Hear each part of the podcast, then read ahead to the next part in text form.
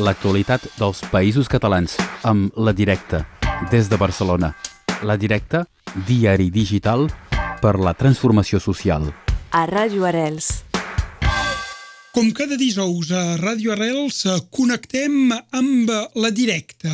La directa que cada 15 dies eh, proposa un diari en paper i al llarg de la setmana informacions en continu a la seva web eh, directe.cat per destacar algunes de les nombroses informacions que hi trobem amb nosaltres. Jesús Rodríguez, bon dia. Hola, bon dia. Jesús Rodríguez, comencem eh, parlant amb la memòria dels Ateneus espoliats pel franquisme. Sí, és un, un reportatge en el que descobrim eh, molts d'aquests edificis. Eh, són edificis que, que en molts casos van esdevenir espais culturals, espais de transformació eh, de, la, de la classe obrera, classe treballadora, de, de molts municipis de Catalunya durant els anys previs a la Guerra Civil i que aquests espais, eh, doncs, amb el franquisme van ser espoliats. És a dir, que directament quan les tropes de Franco van entrar a Catalunya, eh, el crit de ha, ha llegado Espanya, no? que és un dels, una de les expressions que s'explica en el reportatge, doncs a cada municipi on entraven eh, confiscaven els edificis que pertanyien a totes aquestes institucions eh, socials i culturals i els entregaven a les institucions franquistes. Eh, concretament és una, una institució que, que, que és la Delegació Nacional de Sindicats Franquista la que va acaparar tots aquests edificis i posteriorment eh, els va anar o venent a entitats privades, a bancs, a promotores immobiliàries, o els va cedir, per exemple, en gran quantitat a l'Església. Aquest reportatge el signa Guillem Puig Vallverdú i és un reportatge que una de les seves fonts principals és un, un informe que, que ha elaborat eh, la, la doctora eh, en Història Contemporània eh, Neus Moran, un, un informe que detalla fins a 291 propietats eh, confiscades arreu de Catalunya de, de 232 entitats diferents. Ho podeu llegir a, a la directa i podeu eh, doncs, veure com en l'actualitat encara s'està batallant pel retorn d'algun d'aquests eh, edificis en els seus propietaris legítims. Passem ara al eh, Pirineu. Eh, sembla que el risc de veure uns Jocs Olímpics d'hivern al Pirineu s'allunya, com a mínim de moment, però el Pirineu és sempre un territori molt fràgil, un territori que des de fa molts anys atreu els especuladors, és un nou risc per aquestes zones de muntanya que s'ha volgut denunciar des d'aquesta plataforma Stop Jocs Olímpics a una estació d'esquí de la Vall d'Aran i ets tu, Jesús Rodríguez, que signes aquest reportatge.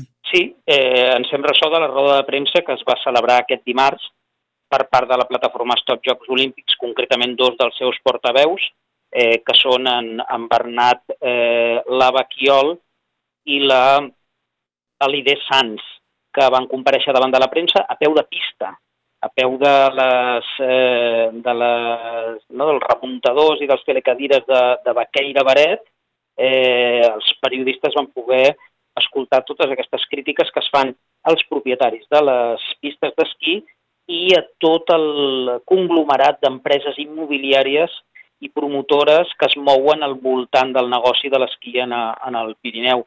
Heu de tenir en compte que al voltant de Baqueira Baret, en concret a la, a la Vall de Banen, ja hi ha diverses promocions immobiliàries en marxa per construir noves urbanitzacions, una de les quals és aquesta eh, on precisament en els seus terrenys es va desenvolupar la, la roda de premsa eh, que es va fer aquest dimarts eh, en l'indret conegut com la Pleta Arriu, eh, és on eh, l'empresa madrilenya Avintia està aixecant aquesta nova urbanització eh, amb finançament, eh, curiosament, totes aquestes grans inversions immobiliàries que des de la plataforma Stop Jocs Olímpics eh, es qualifiquen com d'especulacions, no?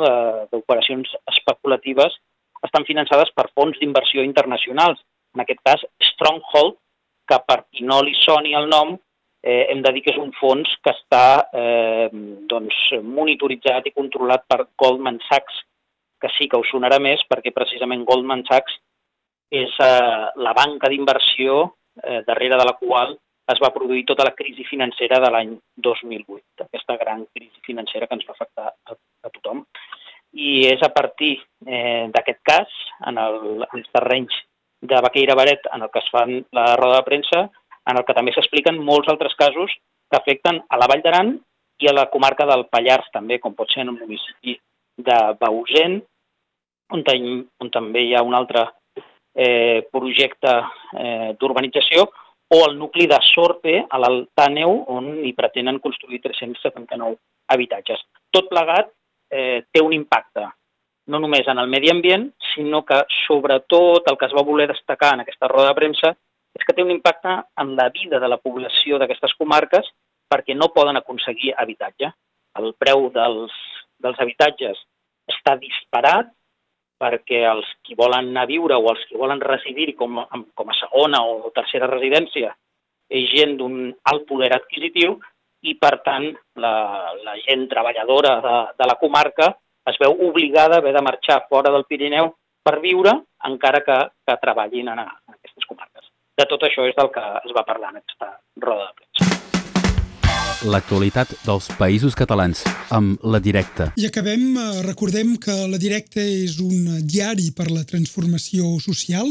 Acabem justament amb dos temes altament socials eh, localitzats a Barcelona. Sí, ens, eh, ens centrem en, en el que està passant al barri del Raval, a ple cor de Barcelona, amb dues problemàtiques eh, que tenen a veure també amb l'especulació. Una d'elles és la, la plataforma en contra de l'ampliació del Museu d'Art Contemporani de Barcelona. Per qui no ho conegui, és un museu de grans dimensions, de milers de metres quadrats, que per a la seva construcció es va haver de desnonar a molts veïns del barri per poder aconseguir buidar aquell xural i construir la seu actual del, del MACBA. Doncs ara ens trobem en que aquest edifici es vol ampliar i com que l'entramat del barri del Raval és molt dens i no hi ha més espai lliure, doncs es vol ampliar ocupant espai públic. Eh, des del barri els veïns s'han organitzat, han aconseguit aturar la intenció de que l'ampliació es fes en direcció a un edifici que ha de ser el futur centre d'atenció primària, això s'ha aconseguit aturar, però ara tant l'Ajuntament com la Generalitat el que pretenen és eh, construir aquesta ampliació a sobre d'una plaça, d'una plaça on eh, hi ha prou activitat i que és dels pocs eh, pulmons d'oci del barri del Raval. Ens focalitzem en aquesta campanya i també en una altra, ben a prop, tres carrers eh, per sota de, de, de l'edifici del MACBA, és la campanya que demana la cessió per part de l'Ajuntament de l'edifici de l'antiga Massana. L'antiga Massana és una escola de, de disseny, dibuix, il·lustració del centre de Barcelona que va ser traslladada a un altre edifici i que l'antiga seu va quedar buida i va ser ocupada per múltiples entitats de veïns del barri del Raval. S'ha convertit en, les, en els últims mesos en un eh, veritable epicentre d'activitat eh, de tot tipus, cultural, social, eh, esportiva, i tot aquest moviment reclama que l'Ajuntament de Barcelona cedeixi l'edifici a l'autogestió veïnal i així es pugui evitar qualsevol amenaça de desallotjament. Tot això i moltes més coses es poden llegir al directe.cat. Jesús Rodríguez, gràcies, bon dia. Gràcies a vosaltres. L'actualitat dels països catalans amb La Directa, des de Barcelona. La Directa, diari digital per la transformació social. A Ràdio Arels.